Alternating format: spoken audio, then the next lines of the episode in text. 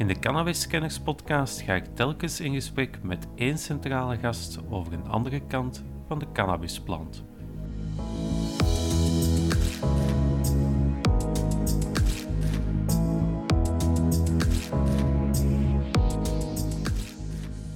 Een van de allereerste shops die ik bezocht, die zei tegen mij, hij zegt, luister, ik hoop dat we morgen kunnen beginnen. Ik ben er zo ontzettend klaar mee. Bedoel dit op informatieve wijze. Uh, vanaf 15 december is het dus mogelijk om in Breda, of sorry, in Tilburg voor Belgische mensen in ieder geval een product te kopen waarvan je van tevoren kunt vergewissen of het iets is wat je zoekt.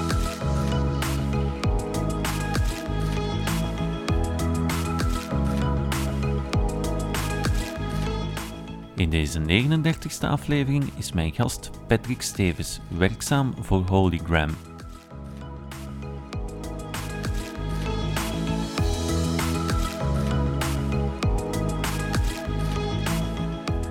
politiek, de media. Overal horen we dissonante stemmen over het gebruik van cannabis. Tijd om de plant onder een ander licht te houden. Welkom bij Cannabis Kenners. Goedemiddag, Patrick Stevens. Um, welkom om, en bij deze podcast uh, van de Cannabis Kenners. En bedankt om vanuit Nederland uh, naar België te komen. Um, kan je misschien zelf even eerst voorstellen? Ja, sowieso. Uh, ja, superleuk dat ik aan mocht schuiven bij jou. Ja. inderdaad, was het ritje wel waard. Um, ja, mijn naam is dus Patrick Stevens, ik ben 53 en ik ben uh, account manager bij Hologram. En Hologram is een van de tien telers die in Nederland zijn geselecteerd om deel te gaan nemen aan het experiment gesloten koffieshopketen. Oké, okay, dat is een, een mond vol, uh, het experiment het experiment gesloten koffieshopketen. Inderdaad, een, een, een, mond vol. Um, in kortere term, de wietproef. Zo de wietproef, soms inderdaad. Ja. Um, voordat we daar aanstarten aan, aan, aan de wietproef en, en de rol van jullie bedrijf daarin, uh, misschien kan je kort vertellen hoe dat je zelf in de cannabiswereld terecht bent gekomen? Oeh, dat is niet echt een kort verhaal. Nee, nee, nee. maar... Um, nou, ik ben uh, sowieso al van jongs af aan, uh, ja goed, ik ben Nederlander, dus uh, zodra ik op de middelbare school terecht kwam, kwam ik ook wel in aanraking met roken en, en dan dus ook met, met wiet en met hash. Mm -hmm. Dus ik was er vrij snel bij, maar het heeft toch uiteindelijk tot, ja, in begin 2000 geduurd dat ik echt zeg maar in de cannabisindustrie ben gaan werken. Ja. Ik heb een tijd gewerkt als exportmanager bij een groothandel voor growshops. Mm -hmm. Niet alleen in Nederland, maar door heel Europa. Mm -hmm. Uh, daarna heb ik uh, een hele lange tijd, 15 jaar, bij een plantenvoedingsbedrijf gewerkt. Een organisch plantenvoedingsbedrijf, Biobis. Um, die eigenlijk ook al, hebben wij het altijd over tomaten en aardbeien gehad, toch eigenlijk wel gewoon direct de cannabisindustrie uh, of de cannabiskweker, de thuiskweker ja. probeerde te beleven met organische plantenvoeding. Mm -hmm. En een jaartje of twee geleden ben ik overgestapt naar Hologram wat een uh, initiatief is van uh, de oprichter uh, van Biobis, Jetsen. En die, die belde me op en die zei van, hey luister eens, ik ben bezig, ik probeer een licentie te bemachtigen om aan het experiment mee te doen, om aan die wietproef mee te gaan doen. Mm -hmm. heb jij zin om het kunstje wat je bij Biobis hebt uitgehaald ook in Nederland bij de koffieshop uit te proberen te halen? En, ja. ja, en ik had iets van, ja, absoluut. Een nieuwe uitdaging? Ja, ik ben, ik ben jarenlang bezig geweest eigenlijk met, met mensen zeg maar, te helpen met, met, um, um, met materiaal, met, met producten waarmee mm -hmm. ze zelf hun eigen cannabis konden kweken. Mm -hmm. Ik ben uh, heel lang bezig geweest om mensen uit te leggen van oké, okay, nou goed, dan heb je een paar plantjes staan. Nou, weet je, doe het dan gewoon organisch en let op dit en let op dat. Mm -hmm. En dan, dan, komt er iets leuks uit. En uh, um, ja, nu kom ik uiteindelijk ineens in de vreemde situatie terecht dat ik ja, niet een, een, een lamp of een, een afzuiger of een, of een uh, groeivoeding verkopen, maar dat het gewoon het eindproduct, eind, het eindelijk eindproduct. gaat het gewoon over, ja precies, dat eindproduct. Ja, ja, ja. Um, je werkte, veronderstel ik, ook in een internationale context daarvoor, hè, Ab voor Biobis. Absoluut, um, ja. ja. Nederland is, en zeker in die periode, een van de weinige landen waar er dan toch nog op enige manier al over ja, de kweek van, van cannabis gesproken kon worden en, en de rol van voeding daarin. Hoe heb je dat dan in het buitenland ervaren, in landen waar ja, een repressiever uh, beleid daar rond is. Ja, en inderdaad, ter, ter, bescherming van zeg maar, de lokale thuiskweker, uh, ja, zorg je ervoor dat je je zeg maar, een beetje op een algemene manier uh, profileert. Dus, dus, in bedekte termen spreken. je spreekt ik, ik, had, ik heb het 15 jaar gehad over planten. Kijk, en nu heb ik het gewoon over toppen en uh, bloemetjes en uh, wiet en cannabis en dat soort zaken. Maar dan, toen was het gewoon, uh, ja, je bent daar gewoon wat voorzichtiger in.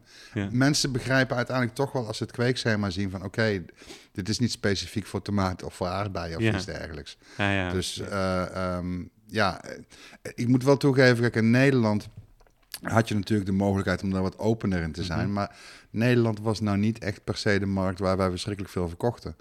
Want de Nederlandse kweek had eigenlijk zoiets van: oké, goed, uh, als ik iets kweek met een organisch product, dan betekent het minder opbrengst. En minder opbrengst betekent. Uh, minder verkoop. Minder, ja, ja, ja. minder, minder, minder geld. Dus ja. die gingen over het algemeen toch wel voor een andere methodiek. Dus Nederland heb ik meestal eigenlijk gewoon links laten liggen. Ja. En wat was zo het interessantste land waar je geweest bent? Om, om, om te merken hoe, hoe ze met, met cannabis omgingen dan. Hè? Waar is je vooral bijgebleven? Ja, Japan was heel bijzonder. Iran was heel bijzonder. En waarom Japan? In Japan heb je een, maar een hele, hele, hele kleine... Een minderheid die cannabis gebruikt, hè? Dat is toch heel laag, hè? Het is misschien anderhalf procent of zo. Dat is toch absurd weinig, hè? Ja, ja maar terwijl, terwijl zeg maar, Japan is, is in, in heel veel opzichten... Um, uh, loop, doen zij Amerika graag na. Mm -hmm. uh, alles wat Amerika doet, vinden ze in Japan eigenlijk ook best wel allemaal hip. Ja.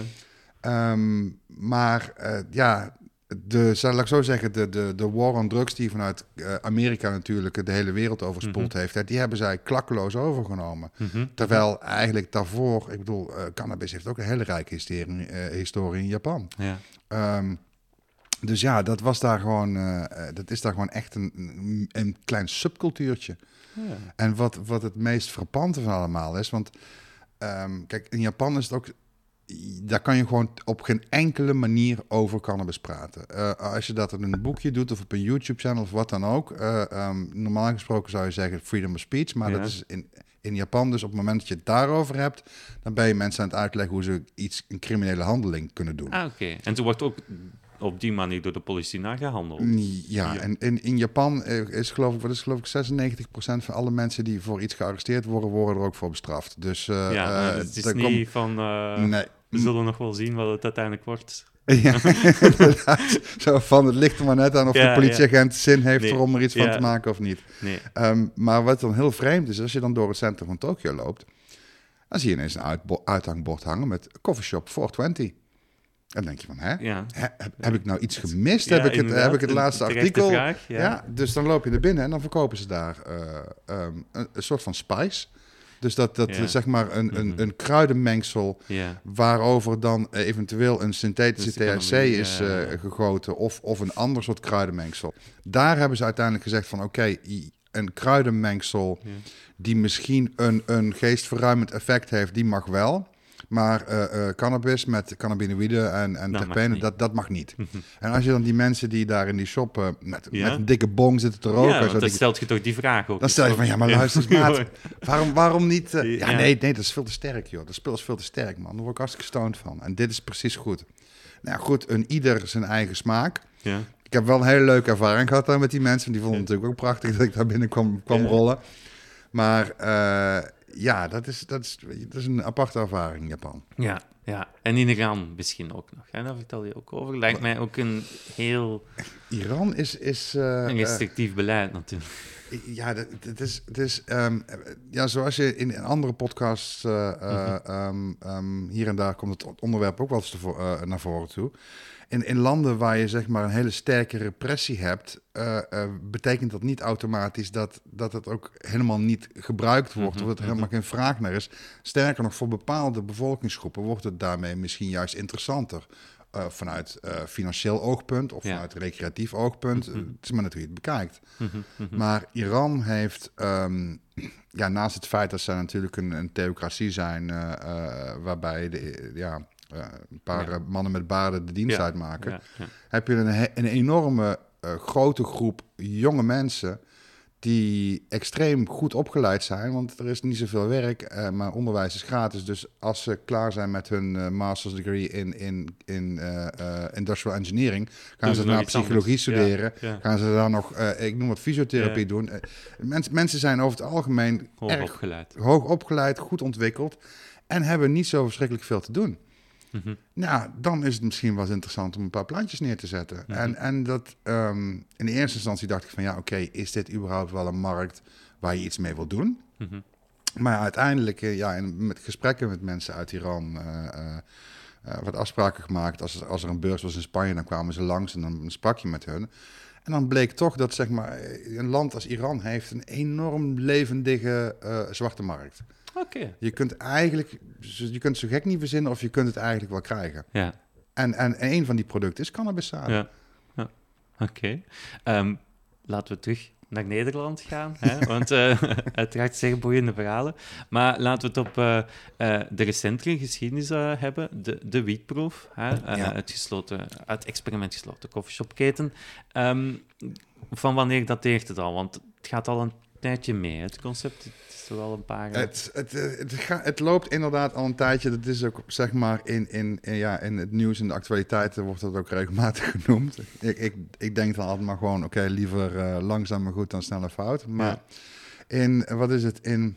Ik moet er wel bij zeggen dat we ergens in, in eh, denk een jaartje of twintig geleden, stonden we eigenlijk al op het punt om te legaliseren. Ja, inderdaad. Dat kan ik me herinneren. Dat Ja. is ook al eens te sprake. Toen was het echt heel nipt.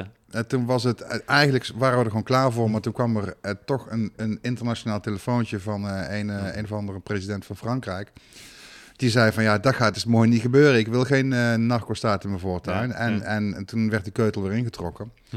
In 2017 uiteindelijk, we nemen weer even een stapje, een stapje voorwaarts, Mhm. ehm, eh, hadden we eigenlijk zeg maar een, eh, eh, we hadden verkiezingen gehad, eh, er moesten coalities gevormd worden en, en daarbij stonden een aantal partijen die voor legalisering waren en een aantal partijen die tegen legalisering waren, die stonden eigenlijk tegenover elkaar. Mhm.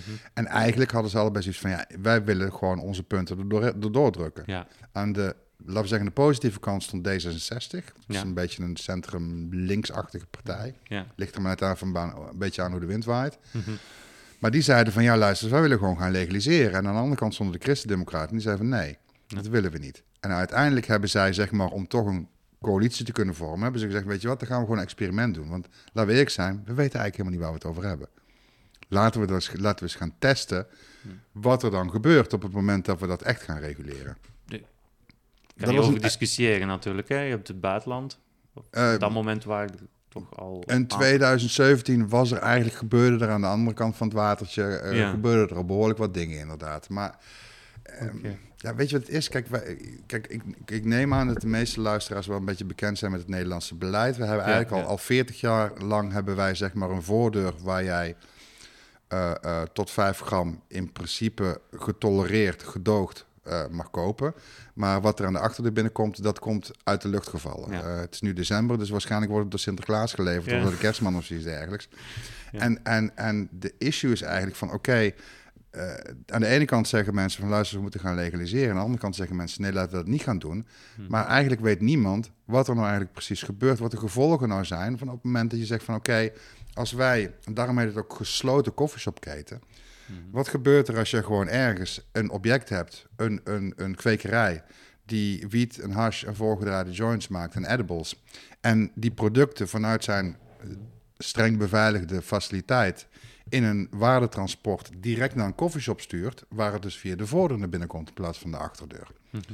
Weet je, en dat product is getest, dat product is schoon, eh er mogen geen pesticiden in zitten, geen zware metalen, geen schimmels, geen beestjes, wat dan ook. En tegelijkertijd krijg je complete informatie over hoe, wat dat product nou eigenlijk is. Hoeveel cannabinoïden zitten erin? Wat voor terpenenprofiel zit erin? Wat gebeurt er met het consumptiegedrag van de Nederlandse en ook buitenlandse cannabisconsument op het moment dat ze eigenlijk precies weten wat ze kopen? Maar, eh, corrigeer me als ik verkeerd ben, maar ik zou kunnen begrijpen dat men daar angst voor heeft op een moment dat er nog geen legaal verkooppunt is. Maar het verkooppunt is er toch al in Nederland. Wat zou nu de invloed kunnen zijn van de wetenschap van dit is een veiliger product dan hetgeen dat ik een week geleden kocht? Het- Heeft Ja. men dan angst dat mensen meer zouden kopen als ze weten dat het veilig is? Ehm, Of, of hoe moet Nou, ik... nou luister, daar kun, je dus, daar kun je dus over gaan debatteren, maar dat weet eigenlijk helemaal niemand, omdat we dat nog nooit Nee, maar is uitgeprobeerd het, hebben. is het dan op die vraag dat men een antwoord vooral zoekt? Van, gaat het aankoopgedrag wijzigen als men weet van dit terpene-profiel zit erin, zoveel THC zit erin, ik kan nu kiezen voor gummies en voor, en voor cakejes Ja, in nou, plaats van... Praat je met de ambtenaren van volksgezondheid, dan is dat echt hun ding. Zij willen gewoon weten van, eh, ehm, om, het een, om een voorbeeld te noemen. Kijk, als jij eh, een lactoseallergie hebt Mhm, en je loopt de supermarkt binnen, mhm. dan moet je elk product uit de rek kunnen trekken en, en, en je kunnen vergewissen dat er geen melkachtige, dat er geen lactose in zit, dat je geen allergische reactie krijgt. Dat kan je met eigenlijk alles ja. wat je kunt kopen in Nederland. Behalve Tuurlijk. met, behalve met wiet en hash. Het gaat om veiligheid, het gaat om volksgezondheid, Mhm. het gaat om preventie en het gaat om informatieverstrekking. En op het Mhm. moment dat iets zeg maar via een, een, een onbekende, vanuit een onbekende Mhm. oorsprong via een achterdeur binnenkomt, Mhm. heb je veel meer moeite om die stokpaardjes eh, eh, uit te kunnen rollen. Mhm. Want eh, hoe ga je eh, eh, preventief werken op, op een product waarvan je eigenlijk niet precies weet wat de werking, nou- Ja. wat, hoe, hoe, hoe Mhm. sterk het eigenlijk Mhm. wel niet is, of, of op wat voor manier het behandeld is. En hoe lang loopt het experiment? Het experiment is gepland om te lopen voor vier jaar. Dus en, en daar zitten nog wat. eh, ehm, ja, je merkt, je merkt wel gewoon een beetje het Nederlandse poldermodel erin. Hoor. Want er zitten heel veel, veel compromissen en, en, en Ja. aanloopfases en voorloopfases Ja. zitten erin. Mhm. Om het in het heel in het kort uit te leggen. Ehm, ehm, want we waren eigenlijk zeg maar, bij de, de, de vraag van... oké, sinds hoe lang loopt Ja. dit nou al? Ja, Eh, nou, 2017 is het beslist.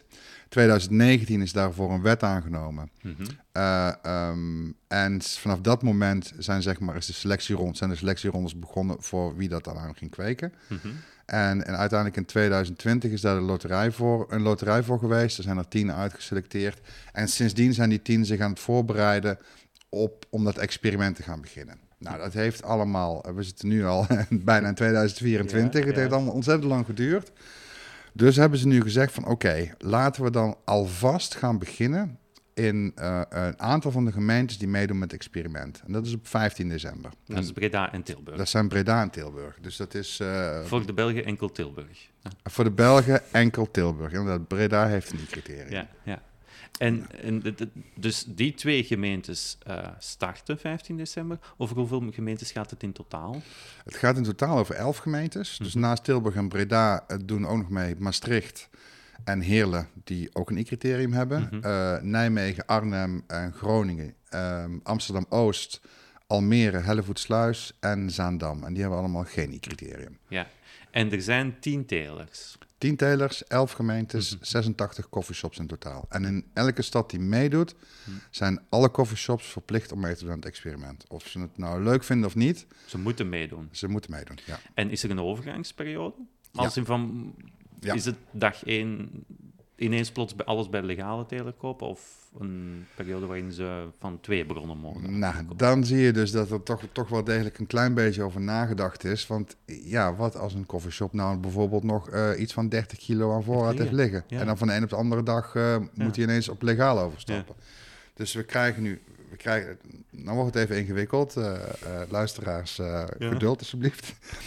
We krijgen eerst een aanloopfase. Mhm. En die aanloopfase is alleen in Tilburg en Breda. Mhm. En tijdens die aanloopfase mogen de shops 500 gram van hun eigen achterdeurproducten en 500 gram van de door ons geproduceerde voordeurproducten Ja. verkopen. Mhm. Dat mogen ze op een, dat mogen ze, dat is hun voorraad die ze op dat moment, op elk moment in de shop mogen hebben. Dus als je 's ochtends binnenkomt lopen, mag er niet meer dan 500 en 500 liggen. Als je s'avonds binnenkomt lopen, mag ook niet meer dan 500 en 500 liggen. Dus eigenlijk langzaam beginnen in twee steden met maar een klein voorraadje legaal product en een klein voorraadje gedoogd product. Ja.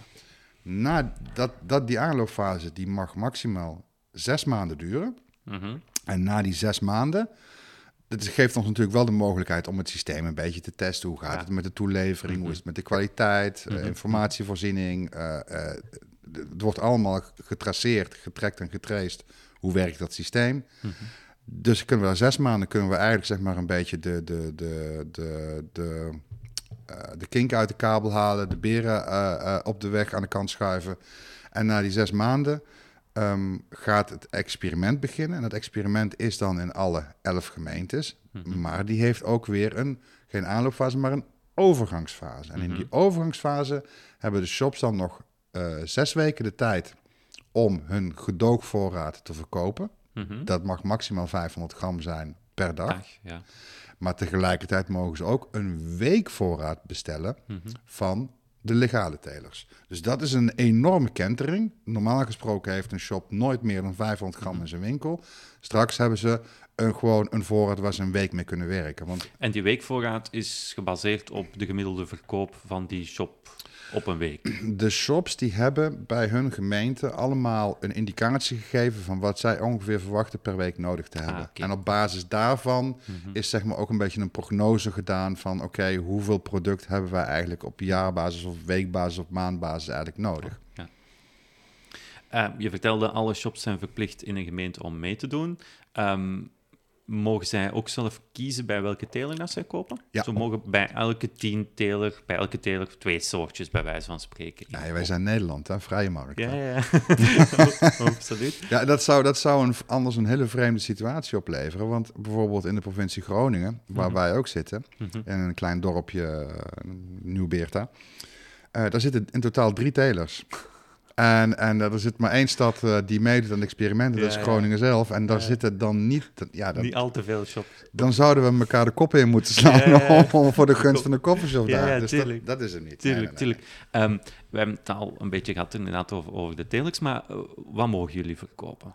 Wat, Wat mogen wij verkopen? Wij verkopen cannabis, mhm, we verkopen hash, mhm. en we verkopen voorgedraaide joints. Of die nou met tabak zijn of puur, dat maakt niet zoveel uit. Dat mag.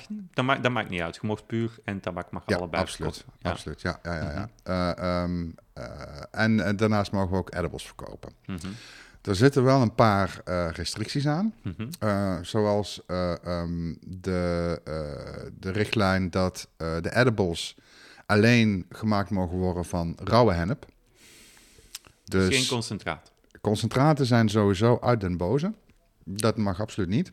Mhm. Ehm, maar ook eh, bijvoorbeeld zoiets als wietboter mag ook niet. Nee, omdat het, omdat het dan wordt gezien als het is verwerkt. Het is een Het extractie. is een extractiemethode, boter of in olijfolie zijn allemaal extracties. Het is inderdaad, wat je, wat je met, met boter doet, is in principe gewoon de actieve stoffen aan de plant onttrekken. Ja, Door omdat het een, een, een ja, omdat het, fusion ja, eigenlijk. het is een fusion. En dan Ja. vervolgens ga je ermee aan de slag. Mhm, mhm. Ik, ik moet wel zeggen dat er, ehm, ik geloof vanuit, als ik me niet vergis, komt uit, uit de hoek van het Trimbos Instituut. En dat is een Mhm. instituut eh, die veel onderzoek doet naar, naar eh, geneesmiddelen, verdovende middelen, verslaving en dat soort zaken. En die hebben gezegd van ja, luister, op het moment dat je alleen maar rauwe hennep toelaat, dus met andere woorden, ik neem wiet of ik neem hash en ik vermaal dat, ik meng dat met een deeg en ik bak daar koekjes van. Dan is de kans dat zeg maar, je geen, niet een gelijkmatige Nee, nee, tuurlijk, verdeling hebt van de je actieve stoffen. Nou, dan zeggen ze in ieder geval van oké, je mag het, eh, eh, je mag het verwarmen, dus decarboxyleren. Dat Dus mag, ja. Waardoor je dus zeg maar gewoon de, eh, de, Actieve stof, allee, activeert ja, eigenlijk. je hè. bij de THC zuren om kunt zetten in actieve THC, Mhm. THCA naar THC. Dat mag wel. Dat, eh, dat mag wel. Ehm, eh, er is zelfs ook wel een indicatie gekomen van... oké, misschien is er wel een mogelijkheid dat je het vermengt met een product... waardoor je het gemakkelijker egaal kunt distribueren... door Mhm. het mengsel Mhm. wat je straks gaat gebruiken om te bakken. Mhm. Maar bijvoorbeeld eh, rosin, wat eigenlijk gewoon zeg maar wiet is die je gewoon onder verhitting perst en Ja. dan komt er een olie uit. Ja, dat mogen we niet gebruiken. Maar als wij eh, bijvoorbeeld wiet in een, door een bubbelator halen of een isolator en, en met, zeg maar, door middel van ijs de trichomen van de plant onttrekken, dan mag dat wel. Dus, dus in eerste instantie dacht ik van oké, misschien is het wel zo dat op het moment dat je zeg maar een externe substantie gebruikt, zoals bijvoorbeeld eh, butaangas Ja. of boter, dan voeg je dus een extra element toe Mhm. om de trichomen te extraheren. Mhm. Maar op het moment dat jij gewoon werkt met zwaartekracht, dus door te trommelen of met Ja. een pollinator te werken, of met ijs, eh, ehm, dan is dat zeg maar een, ja, is een natuurlijke reactie. Mhm. Dus valt dat dan niet onder extracties. Maar vreemd genoeg is dat bij rosin eh, niet het geval. eh, dus die is off-limits. Kijk, kijk dat, wij, dat wij geen producten mogen maken met, met, met bijvoorbeeld met gasextractie of zoiets dergelijks. Dat is niet per se zo dramatisch. Want je kunt, je kunt in principe met de methodes waarop je hash kunt maken, kun je al verschrikkelijk veel mooie dingen doen. Ja, ja. Dus, dus de edibles is voor jullie ook precies nog altijd niet zo heel duidelijk welke vorm. Het is gewoon, het is gewoon het, wat het gewoon behoeft, is gewoon een, eh, een eh, chef-kok met eh, hele creatieve ideeën. Ja, ja, inderdaad. Van, want ja, want kijk, kijk een, een hashbonbon is niet zo moeilijk om te maken. Eh, Nee. eh, kijk, een, een dry sift eh, is, is vrij gemakkelijk om te, om, om te mengen door een, door een chocolaatje of zoiets Mhm. dergelijks. En dan kun je de dosering in principe ook wel vrij goed in de Ja. gaten houden. Maar zoiets als in, in, in, in Amerika, de, de gummies, die mogen jullie dan niet maken.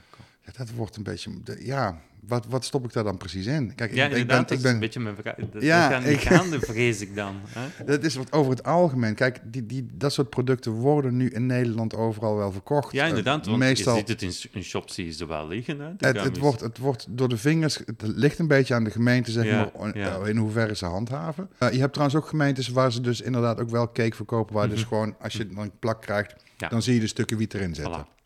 Dat, dat, die heb je ook. Ja. Maar er zijn ook gemeentes, want we hebben namelijk zoiets van, we hebben natuurlijk een, een, een landelijk recht, strafrecht, maar we hebben ook nog het bestuursrecht. Dus dat Mhm. betekent dat lokaal kan een gemeenteraad of een burgemeester of een veiligheidsdriehoek, die kan ook besluiten om dingen net iets anders aan te pakken. Mhm.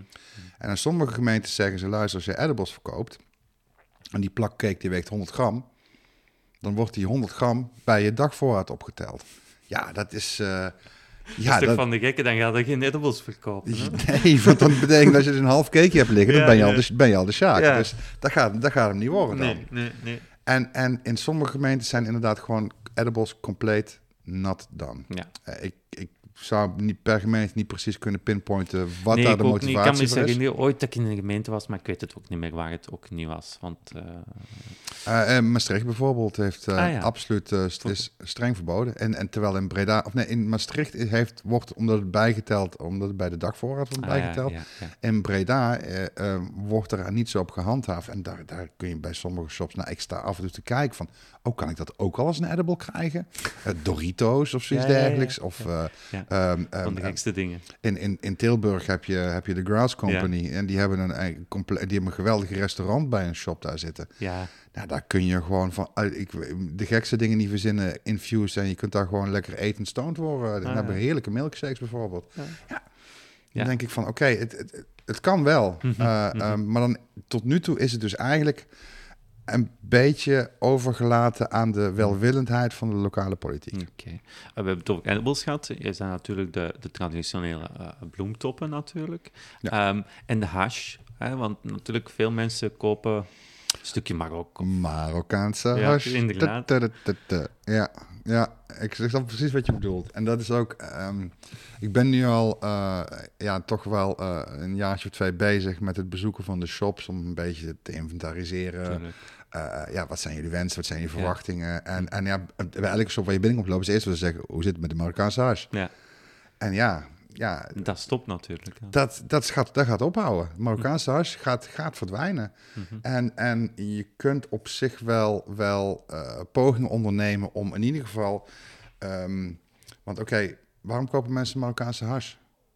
Wat, wat, wat is de reden daarvan? Waarom kopen ze niet een wietje of iets anders? Waarom kopen ze altijd, altijd toch weer die... Ik mijn eerste joint was ook gewoon blonde Marokko. Hoor. Ja. En het is jarenlang Traditie, cultuur, weet het niet. gewenning. Gewenning, ja. Omdat je, omdat je dan namelijk een product koopt waarvan je precies weet wat het is en wat het doet. Ja. Weet je, het is gewoon, en je sterker nog, je kunt ook vrij gemakkelijk zien van, hé, wacht eens eventjes, dit is niet dezelfde blonde Marokko als die ik vorige week heb Nee. gekocht. Deze is keihard en, eh, ja, ja, ja. en die ruikt niet, eh, sorry, ik wil iets anders. Of ik ga ergens anders naartoe. Mhm, mhm, Dus mhm, het, is, het is vertrouwd. mhm. Dus wat je eigenlijk zult moeten doen, is een, eh, proberen een omschakeling te creëren. En dat is natuurlijk in het begin helemaal niet makkelijk, want je, gaat eigenlijk tegen, jou, tegen iemand zeggen van, nou luister eens, je moet nou gewoon van... eh, Van dit gaan van een, genieten. boter, van een boterham met kaas moet je Ja. nou overstappen op boterham met pindakaas. Ja. Dat, is, eh, dat is nogal wat. Maar Mhm. wat je in ieder geval kunt doen, is kunnen zeggen van oké, weet je, wat is dat effect van Marokkaanse hash? Dat is niet een superstoner. Dat is niet de man met de hamer die komt. Nee. Dat is gewoon een lekker blootje Ja. met, een, met een lekker aromatisch eh, rookje wat er vanaf komt. Mhm. En, en ja, het, is, het heeft gewoon een effect wat je ervan verwacht. Mhm. Nou, dat betekent dat op het moment dat je hash gaat maken, dat je daarvoor zeg maar bepaalde genetica selecteert die een beetje in het straatje vallen. Die bijvoorbeeld wat hoger zitten in CBD Ja. of eh, die wat rijker zijn aan myrceen, een terpeen wat Ja. regelmatig voorkomt in Marokkaanse soorten. En je gaat proberen een beetje die kant op te werken. En jullie zijn daar nu druk mee aan het experimenteren. Om, om een soort van nederwiet Marok.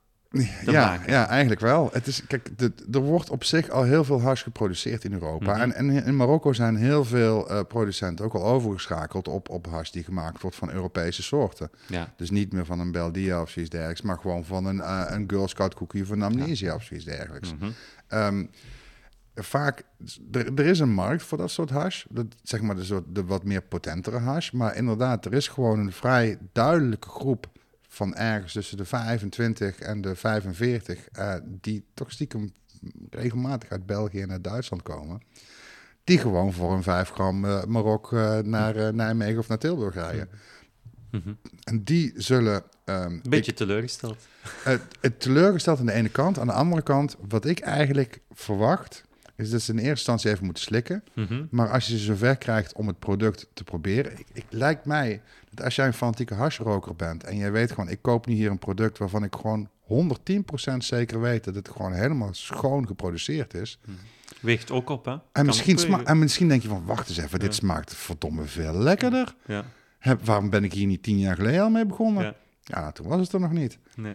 En dan wat ik ook nog bij moet zeggen is dat tegelijkertijd de grootste, dit is zeg maar een groep van mensen die, die vrij stabiel is. De grootste nieuwe eh, instappers in de cannabisconsumentenindustrie, als je het maar zo wil noemen, Mhm. eh, zijn mensen van 50 plus.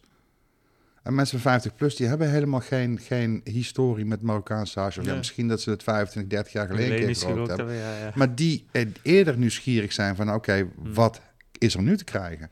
Is dat iets, hè, want je hebt het daar straks inderdaad al gehad over, ik ben de coffeeshops aller ter landen eens een beetje gaan bezoeken. Wat, wat, wat zijn hun verwachtingen eigenlijk in het algemeen van het experiment? Het heel En, en hun wensen? Heel verschillend. Ja. Ehm, sommige shops zijn eigenlijk, ehm, zou je kunnen zeggen, gewoon vrij conservatief. Die hebben gewoon zoiets van, luister, eens, mijn aanvoerlijn via de achterdeur is prima. Ik verdien eh, leuk geld, eh, mijn wiet is best goed, mijn klanten zijn tevreden. Eh, waarom moet het anders? Mhm. Maar er zijn ook shops die zeggen van, luister eens, die achterdeur die bezorgt ons zoveel hoofdpijn. Stress. Stress, Ja. ja, ja mensen die je proberen te naaien. Mhm, ehm, mhm. CBD-wiet die met synthetische THC over, besproeid wordt en dan aangeboden wordt. eh, Mhm, ehm. Of dat er kunstmatig terpenen overheen gespoten worden. Mensen die zeggen van luister eens, ik wil gewoon me bezig kunnen houden met de kwaliteit van mijn shop en met, en met een vriendelijke, vriendelijke ontvangst van mijn klanten. In plaats van dat ik er continu maar weer moet rennen. En maar moet hopen dat ik weer gewoon voldoende kilootjes heb om volgende week te verkopen. Ja.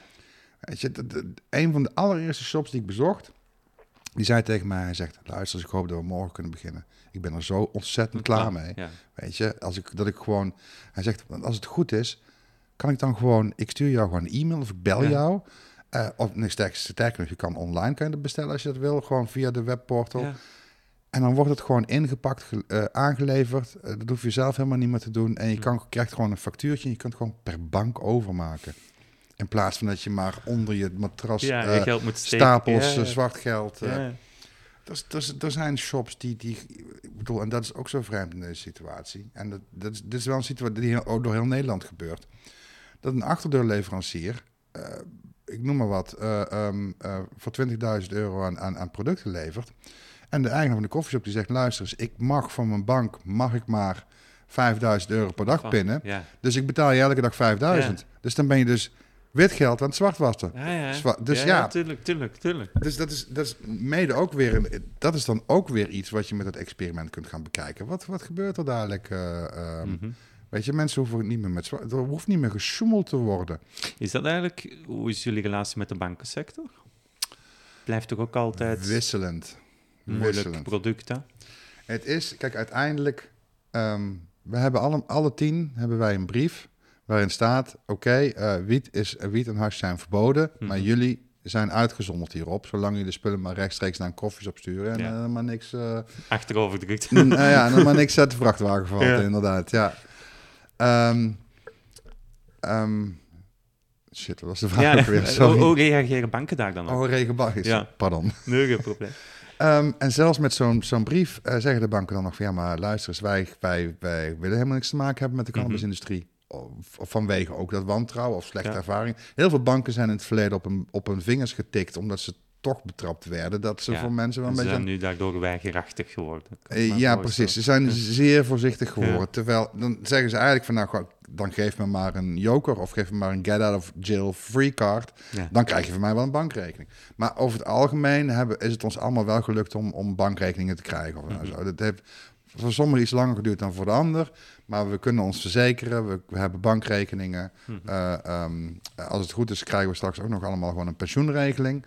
Eh, want, maar ja, dan moeten we eerst kijken onder welke sector we nou eigenlijk vallen. Ah, ja. Want het is compleet nieuw voor Ja. iedereen wat dat betreft. Ja, of over het nieuw gesproken. ehm, ja, jullie hebben de regels niet opgesteld, veronderstel ik. Hè? Die worden door de overheid opgesteld. Ja. Ehm, zijn daar regels waar je zelf van zegt van... Oké, dit is door Too iemand much? opgesteld die er niks van kent. Hè? Ja, nou, de, de, de rauwe hennep in de. Ja, ja, ja, dat ja, inderdaad, ja, de ja. rauwe hennep in edible. Daar Weet gaat je, er ver ge- mee komen. Gaat er ver mee komen. Geef ons op zijn minst wietboter. Ja, Weet je, dan kunnen we al heel, dan kunnen we al heel veel Ja. verschillende dingen gaan doen. Weet je, rauwe hennep is, ja, weet je, ik kan me voorstellen dat ook vanuit het ministerie van Volksgezondheid, dat ze toch eigenlijk wel willen dat mensen zeg maar minder gaan roken. Dat mensen minder zeg maar via ja. dan moet je alternatieven kunnen aanbieden. Ja, en het, het, is, het is wel opgevallen dat zeg maar in de steden eh, ehm, eh, waar zeg maar edibles toegestaan zijn in de coffeeshops en waar mensen zeg maar op een hele creatieve leuke manier ermee omgaan. Dus niet alleen maar gewoon het standaard koekje en een cake Nee, en, en een bonbon, maar kaaskoekjes, milkshakes, Doritos. Ja. Dat daar ineens een heel ander publiek ook de winkel binnenkomt lopen. Absoluut, daar ben ik van overtuigd. Die, die gewoon zeggen, we roken helemaal niet. niet, Eh, ja. eh, ehm, er is ook een enorme markt voor mensen die gewoon voorgedraaide joints komen halen, omdat ze gewoon niet roken.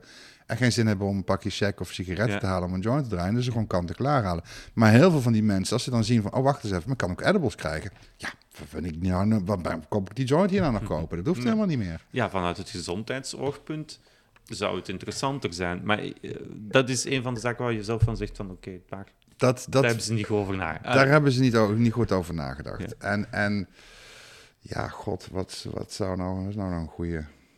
Ja, het is, het is, kijk, uiteindelijk is het hele systeem een beetje zo in elkaar gezet eh, op, op basis van, ja, ik noem het toch wantrouwen. Ja, Weet je, dat ze er eigenlijk van uitgaan, oké, weet je, de, de, die mensen die cannabis gaan kweken, het is een genotsmiddel. En als er een genotsmiddel in het spel is, dan zijn er altijd mensen die zoiets hebben van, hmm, Ja. wat kan ik doen om toch niet betrapt te worden met eh, mijn handjes in de cookiestrommel? ja, En, en dat, dat merk je zeg maar een beetje aan de, de, de beveiligingsmaatregelen. eh, ehm, in het transport bedoel je dan? Eh, of in de faciliteit ook? eh, bijvoorbeeld in de faciliteit zelf ook. Kijk, dat we, dat we ons aan strenge hygiënemaatregelen houden, dat Ja, vind ik de normaalste zaak van de wereld. Dat, dat, dat snap ik wel. Ehm, maar eh, ja, van die, van, die, van die kleine dingetjes, zoals bijvoorbeeld... ehm, kijk, eh, wij, straks wordt de wiet en de hash wordt voorverpakt verkocht. Het Mhm. komt in een mooie verzegelde verpakking met alle informatie erop die je wilt hebben, met QR-codes, dat je nog zeg maar wat dieper in kunt kijken en zo. Mhm. Maar eh, ja, in een koffieshop zijn heel veel mensen toch ook wel gewend Om eens te proeven, eens te raken. om eventjes te ruiken, Ja, inderdaad. Eh, ehm, maar, eh, en dat is, vind ik, dat, dat is echt zo'n heel klein menselijk detail waar denk ik niemand aan heeft gedacht. Maar als je in een shop binnenloopt en zij wegen de wiet of de hash gewoon daar voor jou af, Mhm. dan kan ook iemand binnenkomen lopen die, zeggen, die zegt, luister eens, ik heb nog 5,75 in mijn zak zitten. Mag ik voor 5,75 amnesia, alsjeblieft? En dan, Ah, we- ja. en dan wegen ze dat voor je af. Ja, want En- dan kun je inderdaad... Maar bij voorverpakt wordt dat moeilijk. hè? En dan straks is het, nee, kan niet. Kan Nee, alleen voor een tientje. Ja, Ja, ja. en dan, is, dan voelt, ik bedoel, daar voelt, die, die klant voelt zich daar kut bij, de shop voelt zich daar kut bij. Mhm. Dat is jammer. En, ehm, maar gelukkig is het, of gelukkig, ehm, het is wel zo dat op het moment dat jij zegt van oké, ik, de, ik bestel deze soort cannabis en deze soort eh hash bij jou, Mhm. dat je daarvan een gedeelte eh, eh, mag krijgen als, als sample, als show en smell noem ik het altijd. Weet je? Ah, ja. Dat mensen kunnen kijken en mensen kunnen ruiken. En dat, is, dat is 20 gram per soort, met een maximum van 150 gram Mhm. per maand. Dus dat betekent ook dat je moet gaan goochelen op het moment dat jij, ik noem maar wat, 20 verschillende soorten op je kaart hebt staan. dan moet je dus, dan moet dus die samplevoorraadjes, die moeten wel wat kleiner worden. En ze moeten Ah, tegelijkertijd ook een maand meegaan. Ja, dus dat kon moeilijk evenwicht zoeken dan. Dat, dat, dat, wordt, dat wordt eventjes een beetje Ja. kijken. Maar goed, weet je, we hebben een aanloopfase van zes maanden en een, en een, en een voorloopfase van zes weken. Dus dat moet uiteindelijk wel En goed hoe, kunnen hoe, komen. hoe gaan jullie het verpakken? Ah, Want je zei het daar juist, hè, ik, heb, ik kom toen, ik heb maar 7 euro. Ik bedoel, eh, vroeger afwegen tot 7 euro. Hoe verkoop jullie per gram, per 2 gram? Verpakkingen van 5 gram? Ehm, dat laten we een beetje door de markt bepalen. En dat, Ja. dat is ook weer, eh, eh, elke shop heeft, een, of elke stad heeft wat dat betreft ook een iets andere cultuur. Er zijn, er zijn eh, ehm, shops en steden waar mensen gewoon voor tientjes, twintigjes en Mhm. vijftigjes verkopen. Maar er zijn ook shop, steden waar, eh, ehm, waar ze verkopen voor, voor 6 euro. Eh, sorry, voor, eh, voor een halve gram, een gram, eh, eh, Mhm. anderhalve gram. Ehm, En dan moeten jullie nog een beetje uitzien van, uitzoeken hoe gaan we die verpakkingen maken. Je kunt ervan uitgaan dat de gram, dat dat wel zeg maar de golden Standaard, standard, ja. wordt. En dat je dan, eh, ja, het oude Nederlandse model zou dan zijn zeg maar 2,5 en 5. Ja. Weet je, zoals we vroeger ook de Rijksdaalders en de kwartjes Ja, en zo hadden. Ja. Ehm, maar het kan net zo goed ook gewoon 1, 3 en, of Mhm. 1, 2, 3,5 en 5 worden. Dus hij kan een Maar daar beetje... zijn jullie nog niet over uit. Zo'n beetje. Ehm, ja, nou, de, de, de shops die zijn dan niet allemaal. eh, eh, laat ik zo zeggen, je moet daar zeg maar een beetje een patroon in zien te vinden. Zo Mhm. van wat zeg maar eigenlijk de, de, de, over het algemeen de mensen liefst hebben. Kijk, de, de een zegt, ja, ik moet toch eigenlijk ook wel iets hebben met een halve gram. Mhm. Eh, maar omdat we met relatief grote verpakkingen moeten werken, omdat er natuurlijk allemaal informatie op moet. Ja, eh, ja, dan krijg je in principe een relatief groot zakje met heel met, met een heel klein topje erin. En Ja, dat, is, dat, is, goed. dat is gewoon sneu. Ja, weet je? Dat absoluut. dat is voor iedereen verdrietig. En want, Maar- want die, die ziplockbagjes die je, die je nu bij de coffeeshop ziet, ja, die, die in principe wel lekker klein zijn, gewoon eigenlijk de juiste formaat, ja, die gaan Die verdwijnen. gaan eruit. Hè? Hoe- Ja. Hoe moet ik mij de verpakking voorstellen, praktisch? Is het een doosje? Is het een zakje? Van welk materiaal? Ligt Het- dat vast? Of? Daar zijn, dat is ook wel leuk. Daar zijn eh, in, in totaal geloof ik iets van vier pagina's eh, eh, voor.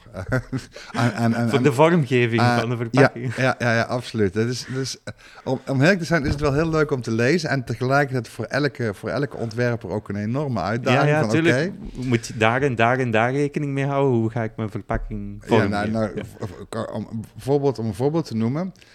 Ehm, en dat is ook wel een beetje. Kijk, je, weet, je weet dat in Nederland wij mogen zeg maar geen reclame maken. Nee, nee. Kijk, bijvoorbeeld in Amerika, Canada mogen ze het allemaal wel. Wij Ja. mogen geen reclame maken. Dus op het moment dat wij met een hele mooie kleurige verpakking komen, zoals je die, die, die mooie pouches ziet die uit Amerika en Canada komen, dat, dat, dat mag we niet. Ik bedoel, eh, tabak wordt ook verkocht in een neutrale Ja, verpakking. inderdaad. Eh, ja.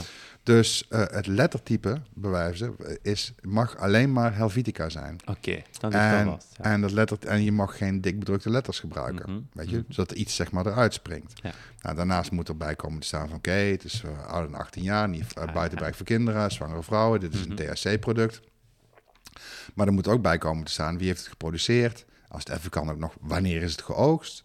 Uh, uh, dan komt er een QR-code bij. En als je die uh, scant, dan krijg je de bijsluiter waarin zeg maar uh, je geïnformeerd wordt over de, de gevaren of consequenties van cannabisconsumptie, ja. waar je tegenaan kunt lopen. Maar die QR-code heb je dan dus al. Mhm. Mm -hmm. En dan komt er nog een QR-code bij. En als je die scant, dan krijg je dus de, het laboratoriumrapport. Van ah, oké. Okay. Dus, okay. dus de chemische, de, de analyse. Ja. ja. Oké. Okay.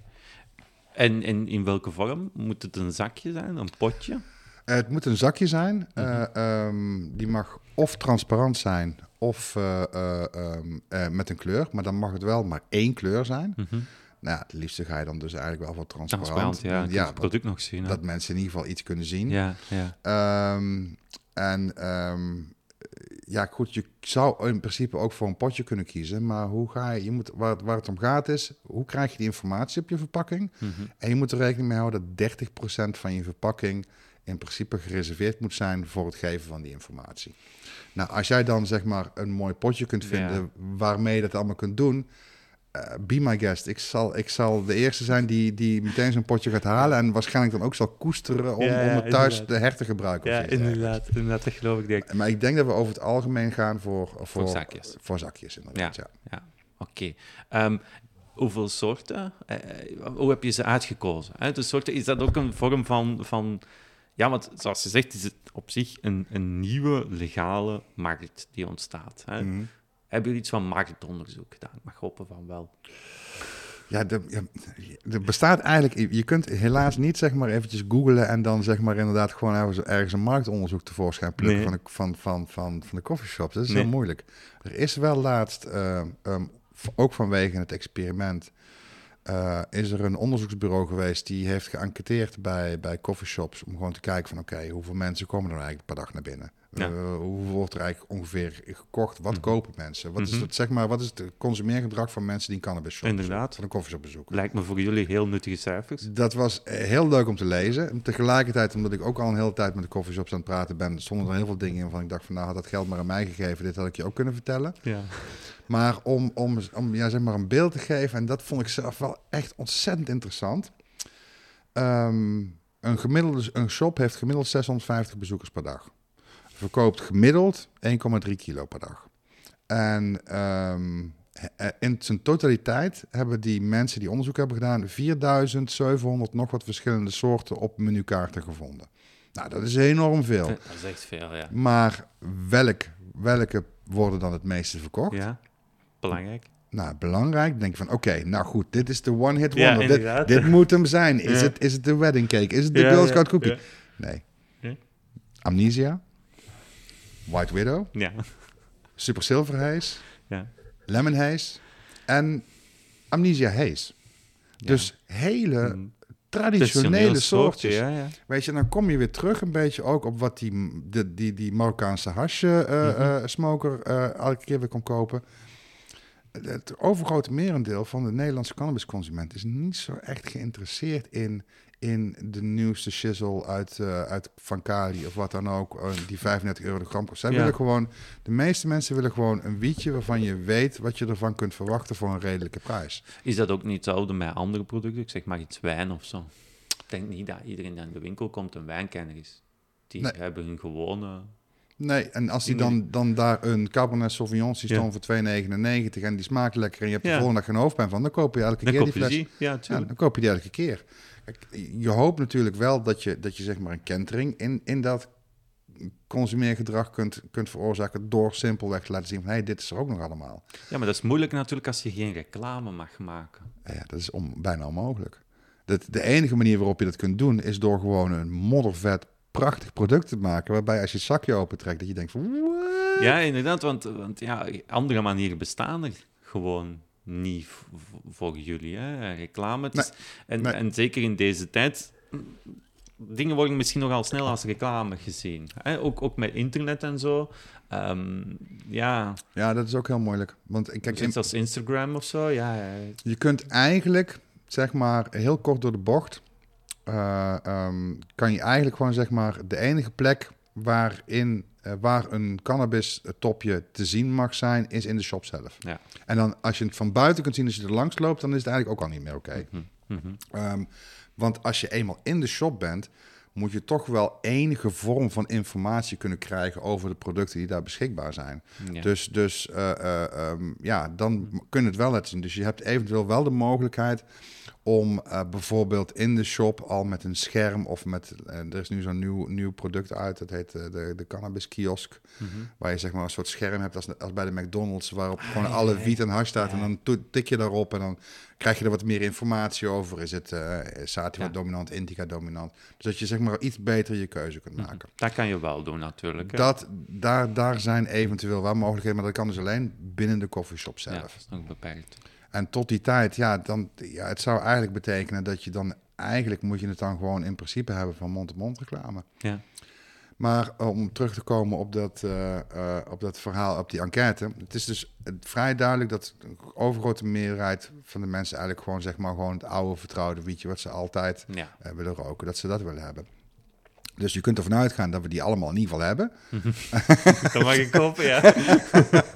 en ik dan- denk dat de com-collega's dat ook wel zullen hebben. Ik denk dat die soorten wel bij elke teler Ja, ja absoluut. Ja. Ik, ik eh, zelf, ehm, ehm, eh, ja, daar hoef ik eigenlijk in principe niet echt een geheim van te maken. Kijk, ik vind het belangrijk dat je, dat je eigenlijk zeg maar voor iedereen wat wils hebt. Mhm. Dus je wil wat traditionele soorten hebben.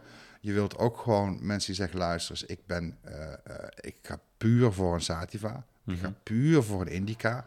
Ik ben meer geïnteresseerd in de effecten die verschillende soorten hybrids eh, kunnen genereren. Ja. Ehm, eh, er zijn mensen die juist altijd het nieuwste van het nieuwste willen proberen. Dus je moet ook een beetje verloop hebben in wat je kweekt. Mhm, Je kan mhm. niet altijd het hele jaar door hetzelfde kweken. Het moet, Nee.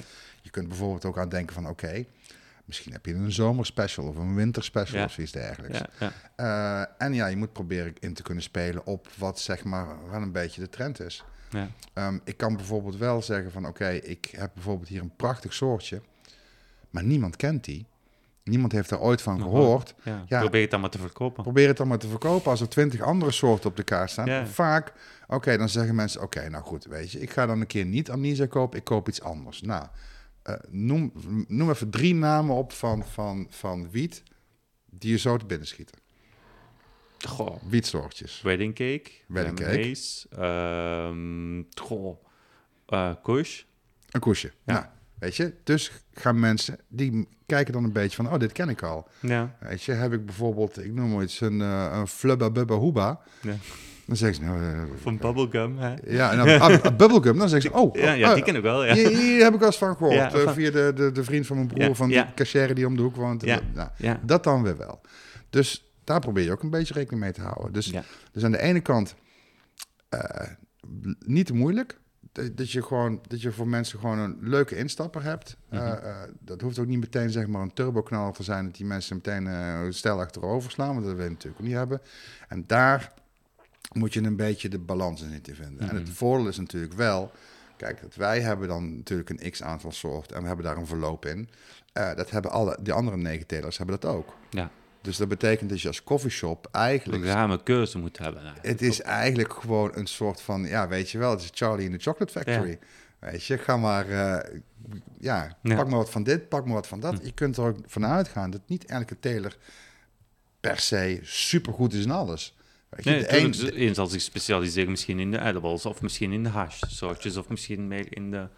misschien heeft iemand gewoon wel de golden sweet spot gevonden en een hele mooie blonde nederhash gemaakt, Ja. waar mensen de deuren plat voor lopen. En dat Ja. wordt dan een beetje hun ding. En Ja. dat moet zich natuurlijk nog wel een beetje gaan, gaan, eh, gaan, gaan, gaan hoe noem je dat? Eh, eh, eh, Uitwijzen misschien? Dat moet zich nog gaan uitwijzen. Maar, maar heb je het gevoel dat, want natuurlijk, jullie zijn ook op een bepaalde manier concurrenten. Denkt je dat die markt voldoende is met, met tien telers zoals ze nu bestaat hè, in het experiment? ja, Ja.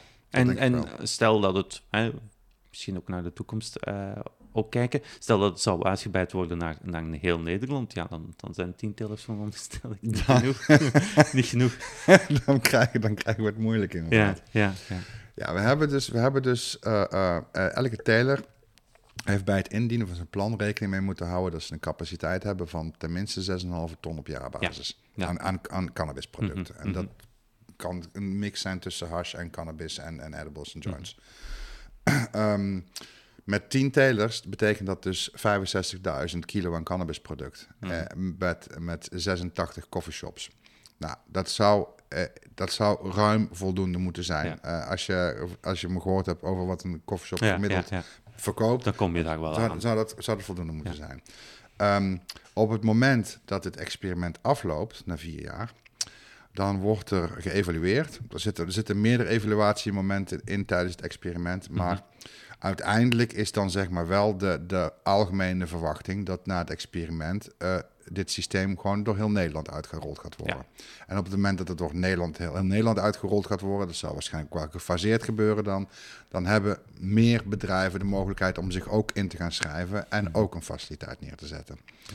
Want uiteindelijk is het zo dat we zijn bezig met een experiment, maar stiekem hebben we eigenlijk de wet die dat regelt, is al bij ons door de Tweede Kamer aangenomen. Mhm. Het is een initiatiefwet, eh, eh, gedoogde eh, cannabislevering. En die eh, behelst eigenlijk hetzelfde principe als dat we nu hebben. Dat je een faciliteit hebt Mhm. die eh, iets onder een beveiligde, gecontroleerde omstandigheid produceert. En dat direct naar het eh, verkooppunt, naar de koffieshop stuurt. En daartussenin zit niks. Er zitten geen tussenpersonen Nee, in, nee, geen, groothandels groothandels, of wat nee. dan ook. Het is Mhm. gewoon één op één direct eh, B2B. Die wet die ligt nog wel in de Eerste Kamer. Mhm. Eh, ehm, daar moet hij dus eigenlijk nog goedgekeurd worden. Maar ja, dat is. eh, eh, we gaan ervan uit dat het. ja, ik hoop dat het gewoon binnen die vier jaar nog gaat gebeuren. Of, of in ieder geval kort daarna. Mhm. Mhm. Oké. Ehm, we hebben het over het verleden gehad, hè, een beetje te ontstaan, maar misschien moeten we ook ehm, naar de toekomst kijken. Misschien ook met de recente politieke evoluties in Nederland in het achterhoofd. Mm, Eh, minder positieve evolutie voor de cannabisconsument en de cannabiskweker, denk ik. Ehm, ja. wa- wa- wat, denk jij? Een impact op de wietproef? Niet veronderstel ik. Of, of hoe, hoe zie jij dat? Ja. Ja, we hebben dus nu inderdaad. eh, ja, toch zeg maar een politieke partij die. eh, zonder enige twijfel eh, absoluut 100% tegen alle vorm van drugs is. Ja, de ja. PVV met Ja. meneer. Geert Wilders. Ja, daar, toen er gekozen werd, dacht ik ook van... oké, wat, wat kan dit dan wel niet betekenen? Ja. Ik kan me voorstellen dat dat op het moment dat er geëvalueerd gaat worden over zo'n proef... en zij hebben zeg maar de, de, het hoogste woord in de regering op dat Mhm. moment... dat zij misschien de, eh, de cijfers die uit zo'n experiment tevoorschijn komen... dat zij die op een andere manier interpreteren dan eh, dat wij zouden willen. Ja. Ik noem maar een voorbeeld. ehm, stel je voor dat eh, ja, de kwaliteit van de producten de consument zo aanspreekt dat zij in plaats van hun eigen stad in te kopen, liever naar een stad eh, rijden die meedoet aan het experiment. Ja. En dat je dan dus ziet van oké, dus als wij een gecontroleerde koffieshopketen in elkaar zetten, dan gaat dus de consumptie enorm Norm omhoog. Ja. Ja, ja. gelukkig hebben we daarvoor wel een aantal controlegemeentes. Mhm. Dus gemeentes waarbij het normale systeem blijft. En dat we kunnen kijken van, oké, weet je, correleren die, die, die getallen met elkaar? Ja, weet je, ja. Is daar een verband in? Of, eh, Mhm, mhm, mhm. Ehm, en daarnaast is het natuurlijk ook zo, kijk, en daar kan eh, Geert Wilders niet zoveel meer aan veranderen. Eh, die initiatiefwet ehm, die in 2019 is aangenomen, die is al door de Tweede Kamer heen en die ligt alleen nog bij de Eerste Kamer ter goedkeuring. En daar heeft de PVV, ondanks de mega-overwinning in de Ja. Tweede Kamer, hebben ze daar een gigantisch verlies geleden. En zijn daar partijen eh, eh, eh, die het daarvoor te zeggen hebben, die een stuk flexibeler zijn met betrekking tot het wiet-experiment. mhm. Dus ik, ja, ik kan het me eigenlijk bijna niet voorstellen dat, dat wij na eh, zoveel jaar klooien, na zoveel strubbeling en moeite en debatten en, en, en sensatieartikelen in de krant en noem en er gaan er vast en zeker nog heel veel meer komen op het moment dat we beginnen met leveren. Ja, ja, dat denk ik ook. Dat ze dan zeggen van nee, laten we maar teruggaan naar het oude systeem. Of nee, weet je wat, Ja, laten dan we... kun je toch ook gewoon rekenen op heel veel claims, van, van schadeclaims. Ah, daar kan je me donder op zeggen, ja. Ik kan me wel voorstellen dat er dan wel wat claims worden Dus ingediend. dat zeggen, dan zeggen we niet van, ah, nog geen probleem, dan gaan we wel weer terug naar tomaten en Nee. aardbeien, weet je. Nee. Nee, nee, nee, nee. nee. Ehm, ja, ehm, zijn er nog zaken die je zeker wil vertellen over, over het experiment op zich, die nog niet aan bod gekomen zijn? Waar je toch nog... Ja, ik, dat is een goede vraag. Zeker voor de Belgen. Hè? Zeker voor de Belgen. Nou, goed, voor de Belgen in ieder geval. Eh, voor de Belgen, eh, ehm, ja, jullie...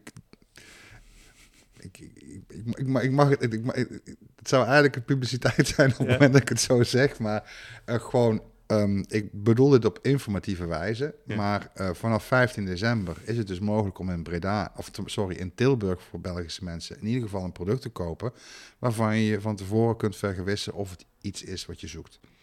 Weet je, wat ik, zelf, wat ik persoonlijk belangrijk vind, is ook gewoon, weet je, eh, op, op een goede manier, op een verantwoorde manier omgaan met een substantie. Of dat nou, of dat nou eh, wiet is, of, of alcohol of tabak, of weet ik veel wat. Belangrijk is, is dat je gewoon op het moment dat je weet wat je consumeert, kun je, daar ook op, kun je dat ook een bepaalde plek geven. Kijk, bijvoorbeeld, eh, misschien is het een betere vergelijking dat op het moment dat je zegt, weet je wat, ik wil wat minder vlees gaan eten, ik wil wat duurzamer gaan leven.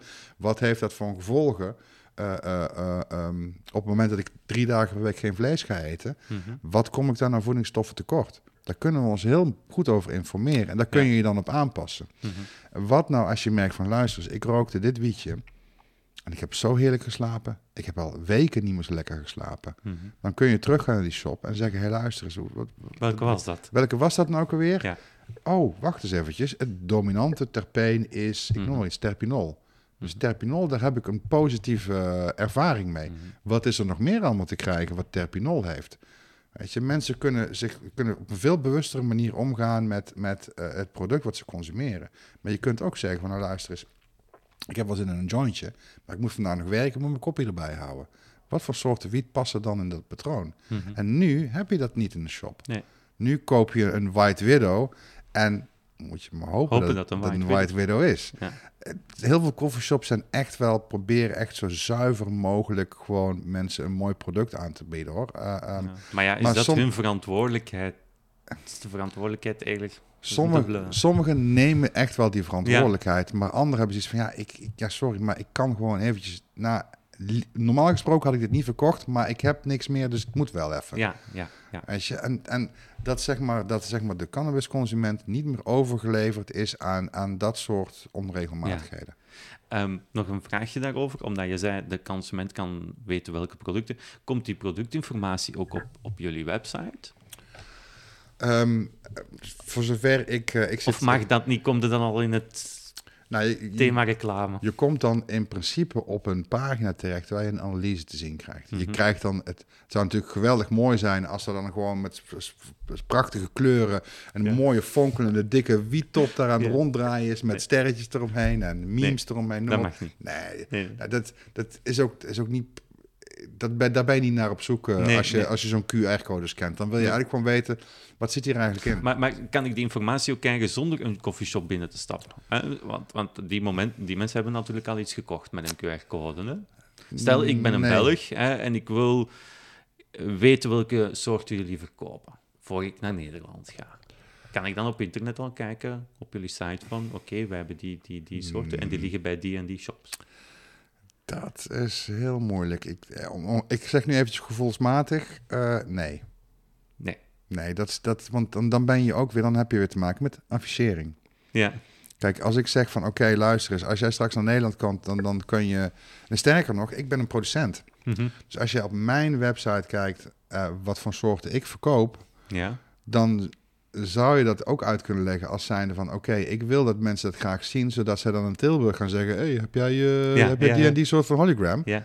Ja, dat, dat, nee, dat kan helaas niet. Dat omdat helaas al onder affi- affichering valt. Dat lijkt mij een vrij duidelijk geval van publiciteit. Ja, ja absoluut. Dus, dus hoe we dat precies aan gaan Want pakken. eigenlijk gaat het dan eigenlijk, wat je dan zegt, is we mogen, we mogen eigenlijk klanten enkel informeren als ze het al hebben gekocht, op basis van die QR-code. Vind ik een hele interessante. Want dan, dan, dan beperk je eigenlijk de informatieverstrekking tot mensen die de aankoop al hebben gedaan. Je kunt, eh, zodra je een shop binnenloopt, kun je die informatie in principe krijgen. Op het moment dat jij buiten die shop staat en naar binnen kijkt en die informatie ziet, dan is het Dan is het al afficheren. Dus- ja, dus ja, als ik als het je op die mijn- redenering doortrekt, dan is internet hetzelfde. Dan is internet precies hetzelfde. Dus inderdaad, eh, zeg maar, het is zeg maar een, eh, een experiment, eh, een gesloten koffieshopketen. Dus het moet gesloten Gesloten. zijn. Dus alleen daar op die plek. Het, is ook, het is ook zo dat je alleen maar in een koffieshop een wietje kunt kopen en nergens anders. Ja, ja. Dus, dus dat moet het punt zijn waar ook tegelijkertijd waar alle informatie samenkomt. Niet alleen zeg maar over wat het product is en Mm. hoe duur het is, maar ook wat erin zit. eh, hoe je, mis, hoe je eh, eventueel wie je kunt contacteren op het moment dat je het moe- moeilijk hebt om Mhm. moeite hebt om ermee te stoppen. Eh, weet je, als het gaat om gezondheid, voorlichting, Ja. preventie, dat soort zaken. Dat moet in principe eigenlijk allemaal in die koffieshop gebeuren. Ja, Oh, ik, ik, ik stel de vraag omdat ik, kijk dan natuurlijk naar andere producten. Hè. Denk bijvoorbeeld aan, aan alcohol of, of snoepgoed. Ik kan perfect op de website van de producent of de website van de supermarkt kijken. We hebben dat in ons aanbod, ja dan nee. Dat klopt. En dan leek mij misschien een logische redenering om dat ook bij cannabisproducten te doen, maar dat valt dan onder affichering. En misschien komt dat op een gegeven moment nog wel. Ik, ja, goed, aan de andere kant. Ja, ik, weet je, ik vind, ik vind altijd, zeg maar, de. Ik doe het soms. Ik maak me er af en toe zelf ook wel schuldig aan. hoor, Maar ik vind de vergelijking tussen cannabis en hash en, en alcohol bijvoorbeeld, die, die gaat helemaal niet op. Weet je, van alcohol eh, kun jij ernstige aandoeningen krijgen en Ja. dan kun je doodgaan. En daar gaan ook heel veel mensen aan dood. En dat is bij cannabis niet het geval. Oké, er zijn, er zijn, expliciet alcohol als nu in dit geval maar een voorbeeld. Hè? Ik had even laten, de, chocolade we kunnen de, nemen. laten we de snoepjeswinkel Ja, nemen, inderdaad. Ja. Ja, dan heb je dus inderdaad... eh, eh, sterker nog, dan kan ik bij Tony Chocoloni bijvoorbeeld zien... dat hun chocola fairtrade is en Ja. alleen maar daar vandaan komt Ja. in de boeren. En, en, Ja. ja. ja, en misschien zijn er foto's erbij van hoe het aangebouwd wordt. En je voelt je dan ineens heel betrokken bij het product. Ja. Eh, ja, aan de ene kant, ik zie dat inderdaad als nuttige informatie, zodat ik me gewoon, want dat is ook het hele idee. Je moet gewoon, voordat je het aankoop overgaat, moet je 100% zeker weten dat dit product is Ja. wat je wil. Inderdaad. Dus, dus dat is inderdaad, nou goed. Als je, we, we hadden het er straks over van, oké, wat is er dan eigenlijk gewoon niet zo geweldig aan het experiment? Dit is een hele goeie. Dit is een hele dat is een goeie. hele goeie, omdat, eh, ja, daar komen we nu op door een beetje over te praten, maar het is inderdaad een, een, een goeie dat die informatieverstrekking zo beperkt blijft tot, ja, tot mensen die eigenlijk al ja, in de winkel staan en al besloten hebben om de aankoop Ik moet er ook voor zorgen dat, dat mensen die minderjarig zijn, buiten dat, ja. dat die, dat die, die, die geen, geen eh, toegang hebben tot die informatie. Ja. Ik wil eigenlijk niet ook geen, geen eh, 13, 14... maar Ik bedoel, ik was 13 toen ik begon met blowen. Mhm. Ik wil helemaal niet dat, dat eh, kids van 13, 14 jaar ineens denken van... nog zo, als ik 18 ben, ga ik meteen de, de eerste shop in. nee. Om, ik- persoonlijk, ik, ik, ben, ik ben ondertussen wat ouder geworden. Persoonlijk ben ik van mening dat sowieso zeg maar, alle vormen van drugs gedecriminaliseerd moeten worden, onmiddellijk. Mhm. Zodat ze gewoon onder contro- gecontroleerde en schone omstandigheden gewoon geproduceerd kunnen worden. En ik ben er eigenlijk voor dat je gewoon met al dat soort zaken pas begint als je 25 bent. Ja, Want op 25 ben, jou, dus is, je ben, je lichaam, ontwikkeld. ben je helemaal klaar met ontwikkelen en dan kun je gewoon losgaan. Mhm. En tot die tijd eh, eh, ga alsjeblieft gewoon eh, vrijwilligerswerk doen en, Ja. of zoiets Ja. dergelijks. En haal daar je haai uit. Misschien nog eentje om af te sluiten, want we zijn al lang aan het praten, hè, Patrick. Ehm, maar ik vind het zeer boeiend. Ehm, kijken jullie ook naar de Oosterburen? Naar eh, Duitsland? Nee. Nee? Nee, sowieso ehm, mogen wij alleen maar verkopen aan shops die eh, aangesloten zijn met het experiment. Mhm, mhm. Dus, dus ja, wat er in Duitsland gebeurt is... Volg het een beetje ook. Ja, ja wel, dat wel absoluut. Ik vind, ik vind zeg maar de verschillende methodieken waarop landen proberen nu zeg maar Die markt.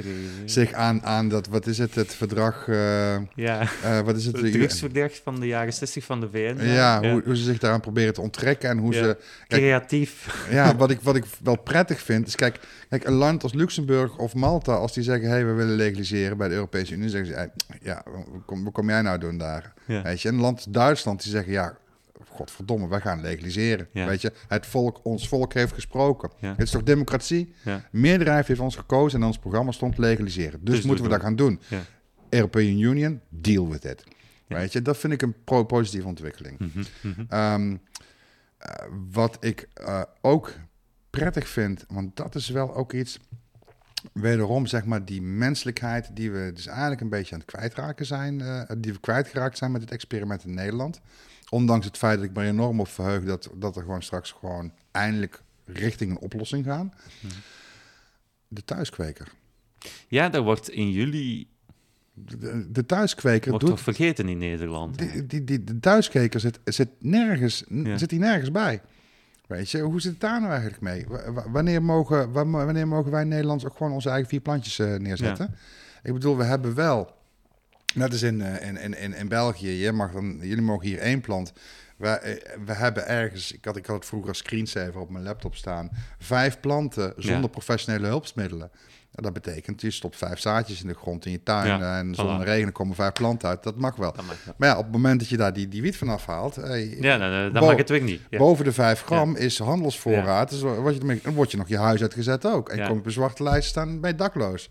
Ja, hoe radicaal kan dat zijn? Dat heeft, sterker nog, als ik hier in België vier plantjes op mijn balkon op staan, en Nee. word ik niet mijn huis uitgezet. Wel. Nee, Nou. ik, ik heb nog nooit, nog nooit zo'n verhaal gehoord. van Ja, mensen dat is in Nederland, dat is de wet van Damocles. Dat is Ja. bizar. Want het is gewoon, dan zeggen ze gewoon van, oké, je woont in een huurhuis en als jij meer dan 5 gram hebt, dan is dat een handelsvoorraad en het is niet toegestaan om commerciële activiteiten te, eh, te houden in een, in een woonhuis. Ja. Dus, dus eh, eh, bij een overtreding wordt je je huis uitgezet. En in Duitsland hebben ze in ieder geval, dat vind ik dan interessant, hoe Mhm. het zich uiteindelijk gaat ontwikkelen is dan nog maar de vraag. Ja, Maar in Duitsland hebben ze in ieder geval gezegd, eerst de thuiskweker. Ja. Eerst mag jij thuis wat plantjes gaan kweken. En of dan gaan we kijken naar verenigingen en... dan gaan we kijken naar verenigingen en dan komen er misschien nog commerciële verkooppunten. Ja. Dus wat ze eigenlijk al doen, is de wind uit de zeilen halen van, van zeg maar grote bedrijven, big investment companies die vanuit, eh, weet ik veel waar vandaan komen, en zeggen van nou weet je wel, wij gaan die markt meteen helemaal overpakken. Ja. Want als iedereen het zelf thuis ook mag kweken, Ja, dan gaan we minder verdienen. is het voor hun een stuk minder interessant. En ook in Duitsland zeggen ze van oké, tussen de staat en die verenigingen, daar zit niemand tussenin. In Nederland hebben ze daar niet aan gedacht, in Duitsland in ieder geval wel. Maar ze moeten nog wel in Duitsland begrijpen dat als jij drie plantjes mag kweken en je mag maar 50 gram hebben, dat dat waarschijnlijk ook niet uit gaat komen. Nee, nee, nee, inderdaad, want het was eerst 25, nu is het opgetrokken naar 50. Het is nog altijd veel te weinig. Hè? Het, is- ja, sorry. Ja, goed, ik begrijp wel. Ik heb wel eh, situaties meegemaakt waar mensen inderdaad vier planten mochten kweken.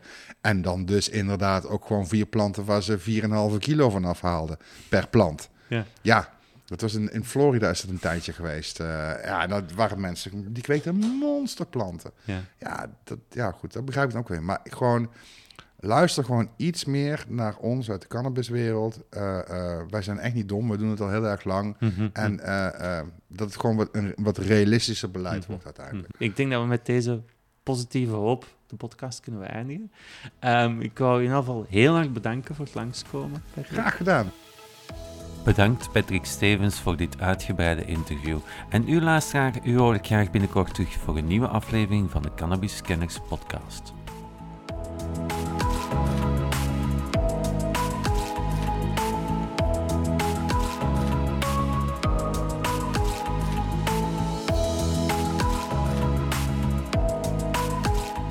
Voor meer podcasts ga naar www.cannabiscanners.be of voeg Cannabiscanners toe in je favoriete podcast-app. Heb je een vraag of wil je graag iets delen? Mail dan naar info.cannabiscanners.be.